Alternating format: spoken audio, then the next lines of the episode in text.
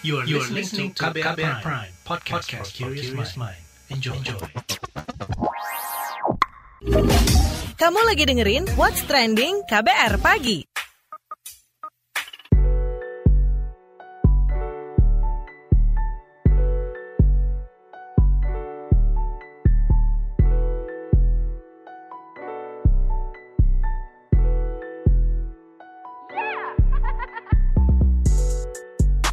KBR Pagi, siaran pagi radio paling update. Selamat pagi, apa kabar Anda hari ini di hari Jumat 3 Desember? Kembali lagi saya Don Brady, menemani pagi hari Anda di What's Trending KBR Pagi pastinya. Pagi ini kita ngobrolin soal menggantung harapan pada Komisi Nasional Disabilitas. Selamat memperingati Hari Disabilitas Internasional 2021 by the way ya. Jadi di tahun ini tema yang diusung adalah kepemimpinan dan partisipasi penyandang disabilitas menuju tatanan dunia yang inklusif, aksesibel dan berkelanjutan pasca COVID-19. Dan di Rabu kemarin, di tanggal 1 Desember, di Istana Negara, Presiden Joko Widodo melantik kepengurusan pertama Komisi Nasional Disabilitas. Ada tujuh orang yang dilantik, empat di antaranya merupakan penyandang disabilitas. Sebagai ketua adalah Dante Rikmalia, seorang konsultan pendidikan anak berkebutuhan khusus. Masa jabatan keanggotaan KND ini akan berjalan selama lima tahun sejak pelantikan. Pembentukan Komisi Nasional Disabilitas merupakan amanat undang-undang tentang penyandang disabilitas. Tujuan dari Komisi Nasional Disabilitas ini untuk menghormati, melindungi, dan memenuhi hak penyandang disabilitas. Sebagai lembaga non-struktural independen, nantinya KND akan bertugas melakukan pemantauan, evaluasi, dan advokasi pelaksanaan penghormatan, perlindungan, dan pemenuhan hak-hak penyandang disabilitas. Sebelum kita bahas lebih lanjut pagi ini, kita simak dulu komentar netizen plus 62 berikut ini.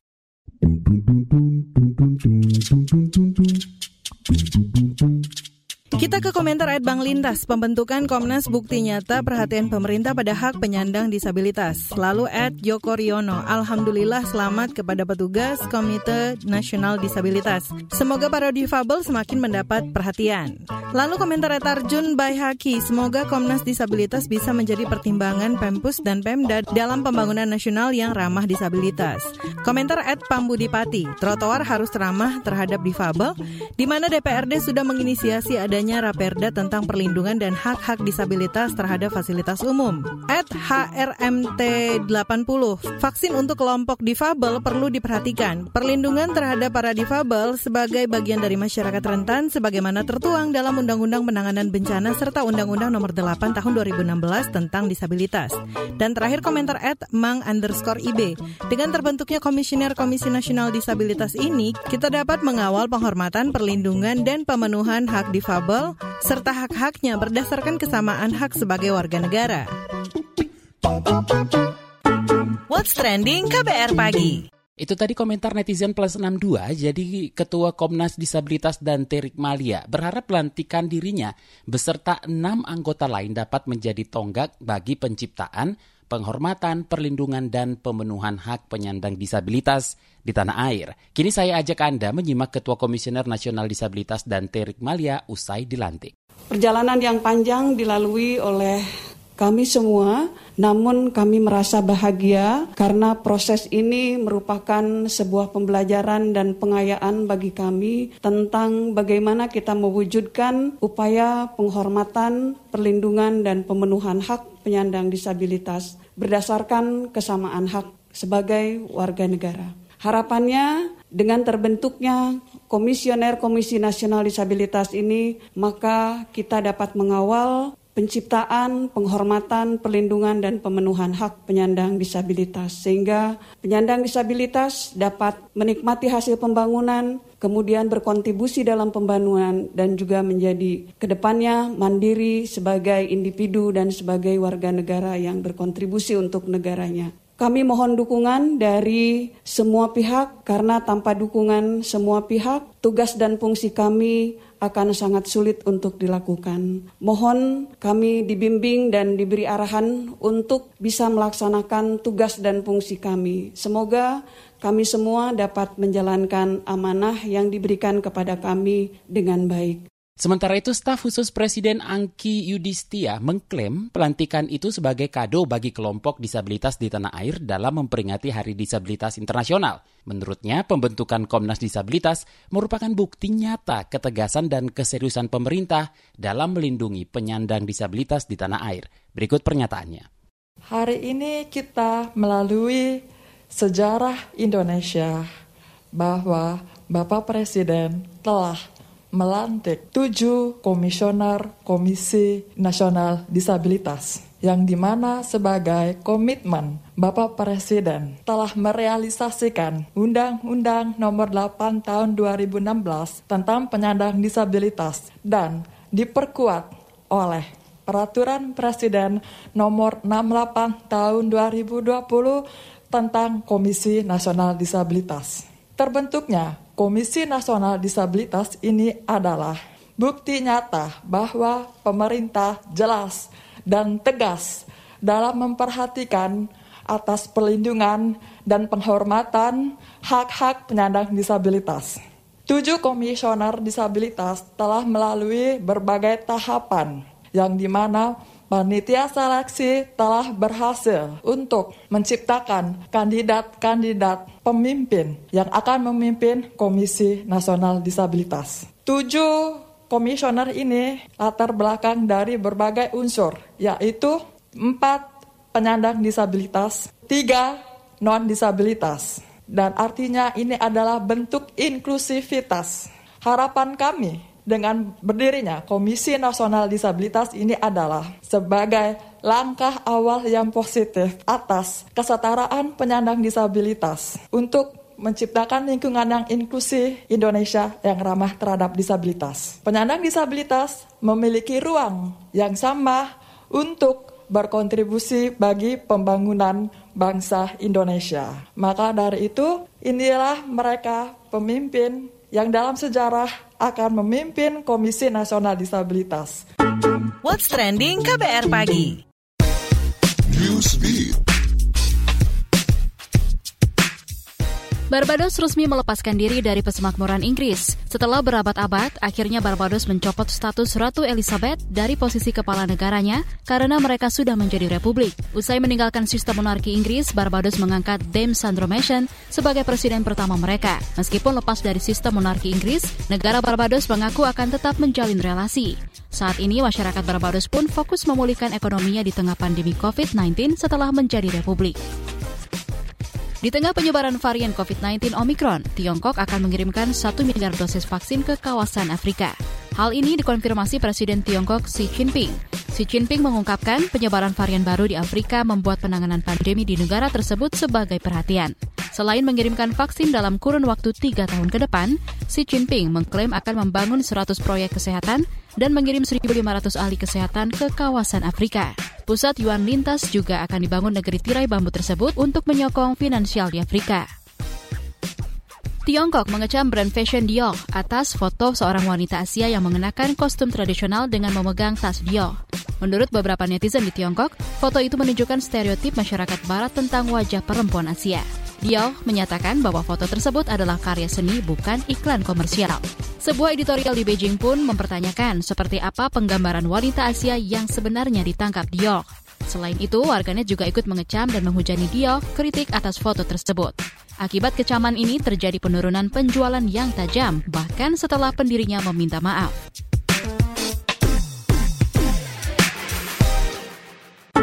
What's Trending KBR Pagi. Balik lagi di What's Trending KBR Pagi, kita lanjutkan ngobrolin soal menggantung harapan pada Komisi Nasional Disabilitas. Jadi kelompok disabilitas menyambut baik pembentukan Komisi Nasional Disabilitas ini. Ketua Umum Persatuan Penyandang Disabilitas Indonesia atau PPDI, Gufroni Sakaril, berharap Komnas Disabilitas memperhatikan pemenuhan hak mengakses pendidikan dan pekerjaan yang setara bagi difabel. Ia mendorong agar ekosistem atau lingkungan yang inklusif bisa segera terwujud seiring pembentukan Komnas tersebut. Lebih lanjut kita ngobrol bareng Ketua Umum Persatuan Penyandang Disabilitas Indonesia, Gufroni Sakaril. Oke, gimana nih Mas Gufroni? tanggapan pelantikan Komnas Disabilitas dan rekam jejak komisionernya? Uh, ya kita sih menyambut baik ya terbentuknya Komnas nih karena kan memang itu salah satu amanat undang-undang dan input dulu kita perjuangkan supaya ada lembaga itu. Nah memang nanti tantangannya adalah si person-person yang yang duduk di sana. Yang beberapa ya kita udah tahu lah rekam jejaknya beberapa, tapi kita harus memberikan ruang lah kepada mereka untuk membuktikan bahwa mereka bisa bekerja dengan baik. Nah kalau menurut PPDI sendiri, apa saja sih tantangan bagi Komisioner Komnas Disabilitas? Tantangan utamanya adalah bagaimana ya ini kan tugasnya melakukan monitoring, evaluasi, dan advokasi ya terhadap pelaksanaan penghormatan hak penyandang disabilitas. Nah, yang pertama ini kan Indonesia ini luas nih. Sementara bagaimana kalau misalnya oh, begitu banyak aduan ya dari Sabang sampai Merauke dan harus ditanganin secara semuanya urgent kan gitu karena masih banyak juga hak-hak penyandang disabilitas yang dilanggar ya begitu di pusat maupun di daerah. Jadi tantangan utamanya sih itu ya. Kedua, bagaimana mengkoordinasikan ya istilahnya kepentingan-kepentingan uh, dari stakeholder, baik itu penyandang disabilitas, kemudian pemerintah ya dan sebagainya, itu supaya ada keselarasan lah di dalam pelaksanaan penghormatan dan pemenuhan hak disabilitas dan sebenarnya tantangan-tantangan yang sifatnya substansi itu kan lebih kepada sebenarnya kebutuhan ya kebutuhan teman-teman penyandang disabilitas akan hak-hak yang mereka inginkan misalnya hak tentang pendidikan, tentang pekerjaan, tentang layanan kesehatan ya dan lain-lain seperti itu.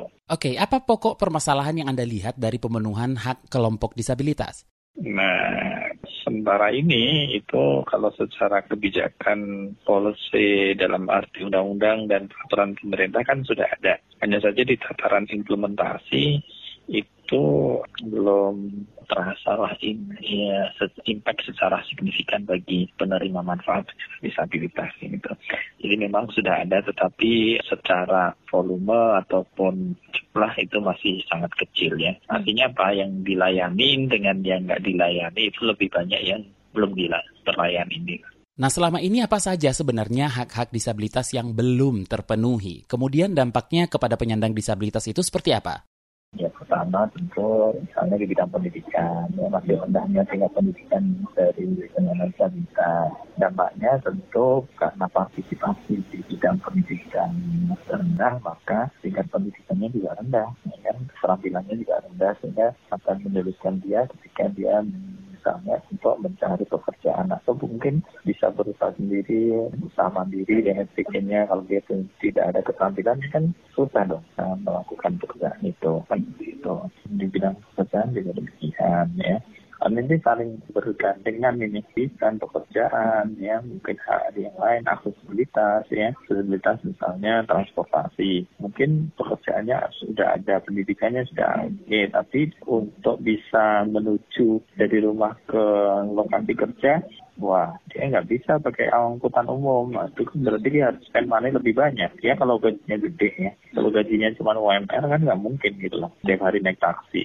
ya. Uang habis untuk naik taksi. Karena apa? Karena fasilitas angkutan umum masih belum. Demikian juga mungkin hal yang lain ya. Kita sih sebenarnya memang butuh ya ekosistemnya sing ekosistem yang mendukung lah kebutuhan kebutuhan penyandang disabilitas supaya mereka bisa para berpartisipasi ya baik itu di bidang pendidikan, kemudian pekerjaan, ya politik, ya terus kemudian ekonomi, olahraga. Yang paling menonjol kan olahraga nih. Menonjol tuh ya karena ada pelatihannya ya kan, kemudian ada ukurannya, terus kemudian ada dapat medali misalnya di Olimpiade dan sebagainya, jadi kelihatan banget lah itu prestasinya ya. Tapi di luar itu kan nanti kita masih banyak tantangan. Terima kasih Ketua Umum Persatuan Penyandang Disabilitas Indonesia, Gufroni Sakaril. What's trending KBR pagi? Commercial break. Commercial break. Yuk follow social media KBR Twitter at Berita KBR, Instagram at KBR.id, Youtube Berita KBR.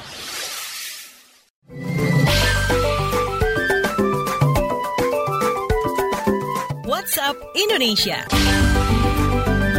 WhatsApp Indonesia dimulai dari Jakarta. Menteri Koperasi dan UKM Teten Masduki mengatakan, pemerintah akan merevitalisasi koperasi berbasis sektor produksi yang memiliki komoditas unggulan untuk memperbesar usaha. Selain itu, revitalisasi juga diharapkan dapat meningkatkan kualitas dan daya saing produk baik di dalam negeri maupun luar negeri. Lebih lanjut, Teten menambahkan, revitalisasi koperasi berbasis sektor produksi dilakukan karena Indonesia masih mengandalkan impor untuk berbagai produk yang sebetulnya dapat diproduksi di dalam negeri, mulai dari alat kesehatan, alat pertanian, jagung, beras, kedelai, daging, dan lainnya yang saat ini masih sangat mengandalkan impor. Menurutnya, ini terjadi karena berbagai produk unggulan di Indonesia masih dilakukan oleh perorangan dan tidak efisien. Teten menegaskan Indonesia harus membangun konsolidasi koperasi besar yang masuk dalam skala bisnis. Beberapa contoh yang dapat dijadikan motivasi untuk membangun koperasi besar ialah New Zealand yang memiliki koperasi susu terbesar di dunia dan juga Australia yang memiliki koperasi gandum terbesar di dunia. Masih dari Jakarta, Menteri Pariwisata dan Ekonomi Kreatif Sandiaga Uno menetapkan 21 lokasi sebagai Kabupaten Kota Kreatif Indonesia 2021. Penetapan ini dilakukan guna mengembangkan potensi ekonomi kreatif tanah air. Ke-21 kota Kabupaten Kreatif 2021 tersebut adalah Kota Balikpapan, Kabupaten Kutai Kartanegara, Kabupaten Majalengka, Kota Malang, Kabupaten Rembang, Kota Denpasar, Kabupaten Gianyar, Kota Palembang, Kota Semarang, Kota Surakarta, Kota Ambon, Kota Banda Aceh, Kabupaten Banjarnegara, Kota Salatiga, Kabupaten Tanah Datar, Kabupaten Wakatobi, Kabupaten Wonosobo, Kota Bandung, Kota Cimahi, Kabupaten Karanganyar, dan Kota Pekalongan. Menparekraf Sandiaga Uno menjelaskan penetapan Kata Kreatif 2021 diharapkan mampu mendorong kabupaten kota agar lebih inovatif, adaptif, dan kolaboratif dalam meningkatkan kinerja ekonomi kreatif demi memajukan kesejahteraan masyarakat di wilayah masing-masing. Terakhir mampir Kalimantan Timur. Pemerintah Kota Balikpapan melarang aparatur sipil negara keluar daerah pada periode Natal dan Tahun Baru. Wali Kota Balikpapan Rahmat Masud juga meminta ASN membatalkan cuti kecuali yang akan melahirkan. Rahmat memastikan bakal mengawasi aparatur sipil negara yang berjumlah 6.000 orang seharian penuh atau selama 24 jam. Sebelumnya, Menteri Pendayagunaan Aparatur Negara dan Reformasi Birokrasi Cahyo Kumolo melarang ASN mengambil cuti dan berpergian keluar daerah selama periode 24 Desember 2021 hingga 2 Januari 2022. Larangan itu dikeluarkan untuk mengantisipasi lonjakan kasus positif COVID-19 di akhir tahun. Demikian WhatsApp Indonesia hari ini.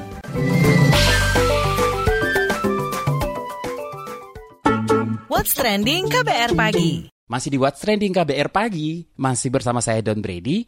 Jadi momentum promosi Hari Belanja Online Indonesia atau Harbolnas pada 11 November 2021 ditetapkan sebagai Hari Fintech Nasional dan menjadi kick-off Bulan Fintech Nasional. Nah, untuk mengenal lebih jauh soal bulan fintech nasional ini, saya mau ajak Anda menyimak obrolan reporter KBR Lea Citra bareng Bapak Abin Prima Rizky, Director of Marketing Communication and Community Development Asosiasi Fintech Indonesia atau AFTEC berikut ini. Selamat pagi Pak Abi Prima Rizky selaku Director of Marketing Communication and Community Development AFTEC. Selamat pagi Pak. Halo, selamat pagi. Pagi ini saya mau membicarakan soal bulan fintech nasional. Pertama nih Pak, kita mau dong Pak dijelaskan terkait dengan bulan fintech nasional. Dan apa sih bulan fintech nasional itu? Ya, jadi bulan fintech nasional ini merupakan rangkaian acara yang dilakukan selama satu bulan penuh dan diharapkan ini menjadi wadah bagi pemerintah, regulator, startup fintech, dan stakeholder lainnya di dalam ekosistem keuangan digital di Indonesia, termasuk juga platform e-commerce. Jadi ini adalah dilakukan dalam upaya percepatan pemulihan ekonomi nasional melalui adopsi fintech. Jadi momentum ini dilaksanakan dimulai dari 11-11 bertepatan dengan Hari Belanja Nasional. Ini juga ditetapkan atau diinisiasi sebagai Hari Fintech Nasional dan menjadi kick-off dari Bulan Fintech Nasional. Sebuah inisiatif gebrakan yang luar biasa untuk industri, tentunya dalam meningkatkan edukasi dan literasi masyarakat, peningkatan edukasi, serta peningkatan adopsi fintech di Indonesia begitu Mbak. Dan satu bulan penuh ini dari 11-11 sampai 12-12 ini dilakukan melalui virtual platform di www.suspectsummit.co.id. Pak, kira-kira apa aja sih Pak kegiatan yang ada di dalam acara 11 11 12 12 di 2021 ini? Oke, kegiatannya banyak banget. Jadi dari 11-11 sampai 12-12 2021 terdapat lebih dari 90 kegiatan yang dilakukan selama satu bulan penuh di bulan fintech nasional. Nah, program-program kegiatan webinar ini diselenggarakan oleh Bank Indonesia, Otoritas Jasa Keuangan, dan perusahaan-perusahaan fintech yang tergabung dalam asosiasi, yaitu Asosiasi Fintech Indonesia atau AFTEC, Asosiasi Fintech Syariah Indonesia atau AFSI, dan dan Asosiasi Fintech Pendanaan Bersama Indonesia atau AFPI. Nah, kalau untuk perusahaannya sendiri, kita punya lebih dari 50 perusahaan fintech yang turut memeriahkan bulan fintech nasional. Jadi, 50 lebih ke, oh, perusahaan fintech ini nggak cuma bikin kegiatan, tapi juga ada ragam promosi yang seru banget dari mulai diskon, cashback, free administration, referral code, dan masih banyak lainnya yang memang ditujukan untuk seluruh konsumen gitu. Nah, kalau untuk webinarnya sendiri ini juga menarik banget, keren-keren banget. Jadi pembahasannya pun setiap minggunya berbeda. Kalau mungkin di sini pendengar juga sudah mengikuti beberapa kegiatan, misalnya di minggu awal-awal BFN kita membahas mengenai layanan fintech lending. Kemudian di minggu kedua kita juga sempat membahas mengenai fintech pada sistem pembayaran dan juga neobank. Kemudian membahas juga mengenai inovasi layanan keuangan digital seperti fintech asset management, inovatif kredit scoring, syariah, dan lain-lain. Dan yang juga tak kalah seru, di minggu ini juga nanti ada pembahasan mengenai perlindungan konsumen pada layanan fintech, termasuk keamanan cyber dan perlindungan data pribadi bagi pengguna fintech. Nah, kegiatan lainnya kita juga punya namanya Virtual Job Fair. Jadi untuk seluruh masyarakat, termasuk talenta muda digital Indonesia yang ingin berkarir di industri fintech, ini merupakan kesempatan yang sangat baik untuk menemukan lowongan pekerjaan di perusahaan fintech. Jumlahnya ada lebih dari 200 lowongan pekerjaan di Virtual Job Fair kali ini.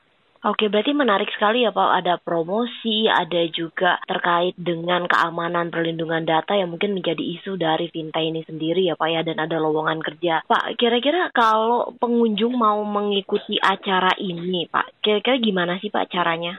Oke, jadi kalau ada yang mau mengikuti kegiatan ini, caranya gampang banget. Bisa buka melalui handphone, buka melalui laptop, kunjungin website kita di www.fintechsummit.co.id fin ya jadi diingat di www.fintechsummit.co.id nah langsung aja deh uh, isi registrasi di situ dan gratis. Jadi nggak perlu bayar apa pun tidak dipungut biaya acara ini gratis. Dan kalau misalnya masih bingung nih mau tahu cari informasinya juga bisa ikuti Instagram kami di @fintechid Pak, kira-kira manfaat apa aja sih Pak yang bisa kita dapatkan dengan mengikuti acara-acaranya ini gitu? Ya, pastinya dengan mengikuti kegiatan Bulan Fintech Nasional ini, para pengunjung, penonton, audiens yang mengikuti akan mendapatkan edukasi dan literasi pengetahuan yang banyak sekali tentang beragam inovasi fintech di Indonesia, layanan fintech yang tentunya membuat kita semua menjadi pengguna fintech yang cerdas, dan bisa memanfaatkan layanan fintech untuk kehidupan kita sehari-hari, Mbak. Gitu. Jadi kita nih kalau kita nih sehari-hari udah pakai fintech rasanya belum terlalu afdol kalau kita belum kenalan nih dengan inovasi-inovasi fintech lainnya termasuk regulasi dan tata kelolanya. Jadi kita pengen juga menciptakan industri fintech yang bertanggung jawab, menciptakan rasa aman dan nyaman untuk masyarakat. Makanya campaign kita di bulan fintech kali ini adalah hashtag fintech aman dan nyaman. Jadi kita pengen masyarakat Indonesia juga merasakan layanan fintech yang aman dan nyaman serta memberikan edukasi dan literasi kepada masyarakat tentang penggunaan fintech gitu. Salah satu yang masih menjadi tantangan saat ini adalah literasi masyarakat Indonesia begitu Pak agar tidak terjebak dengan fintech ilegal Pak. Apakah ini juga menjadi agenda penting nanti di dalam bulan fintech nasional ini Pak? Ya, betul sekali, Mbak. Jadi memang ini juga merupakan langkah konkret yang juga dilakukan oleh asosiasi beserta regulator menyelenggarakan bulan fintech nasional untuk meningkatkan pengetahuan dan pemahaman masyarakat terhadap layanan dan inovasi fintech. kalau mengikuti di, di tanggal 11-11 kita juga launching namanya Cek Fintech ID. Jadi di situ kita menekankan tentunya untuk mengecek fintech yang legal atau mengecek kembali apakah fintech tersebut legal atau tidak legal itu juga bisa dicek melalui cek fintech ID dan dengan berbagai kegiatan webinar ini kami juga berharap masyarakat akan lebih cerdas memahami yang seperti apa yang legal dan yang seperti apa yang ilegal sehingga ke depannya tentunya ini akan mereduksi korban-korban pinjol ilegal yang saat ini sedang marak terjadi di Indonesia, Mbak. Gitu. Oke, itu artinya acara ini juga sebagian bagian dari literasi masyarakat untuk benar-benar bisa memilih mana ilegal dan yang legal dan yang aman gitu ya Pak ya? Betul, betul. Jadi kita pengen banget masyarakat ini semakin pintar, semakin paham tentang apa itu fintech, bagaimana yang legal, dan bagaimana uh, menggunakan fintech untuk membuat rasa aman dan nyaman kepada masyarakat sebagai konsumen. Pak, yang terakhir nih, apa sih Pak goals dari diadakannya bulan fintech nasional ini? Ya, tentunya tujuan utamanya adalah meningkatkan adopsi fintech di Indonesia karena kita sama-sama tahu kita saat ini masih dalam kondisi pandemi COVID-19. Tentunya dengan meningkatkan adopsi fintech ini adalah upaya dari regulator, dari industri, di, yang ada di ekosistem keuangan digital Indonesia melakukan upaya dalam percepatan pemulihan ekonomi nasional. Begitu Mbak. Serta tentunya tujuannya adalah literasi keuangan di Indonesia Mbak. Oke, baik. Terima kasih Pak Abin Prima Rizky selaku Director of Marketing, Communication, and Community Development Aftek yang sudah meluangkan waktu untuk ngobrol-ngobrol bareng What's Trending KBR. Semoga acaranya sukses ya Pak. Amin, terima kasih doanya. Jangan lupa untuk datang ya. Oke, baik. Terima kasih Pak Abis. What's Trending KBR Pagi. Terima kasih ya sudah mendengarkan What's Trending KBR Pagi. Tetap terapkan 5M, mencuci tangan, memakai masker, menjaga jarak, menghindari kerumunan, dan mengurangi mobilitas. Dan Brady undur diri. Have a nice day, have a nice weekend. Stay safe. Bye-bye. Terima kasih ya sudah dengerin What's Trending KBR Pagi. KBR Prime, cara asik mendengar berita. KBR Prime, podcast for curious mind.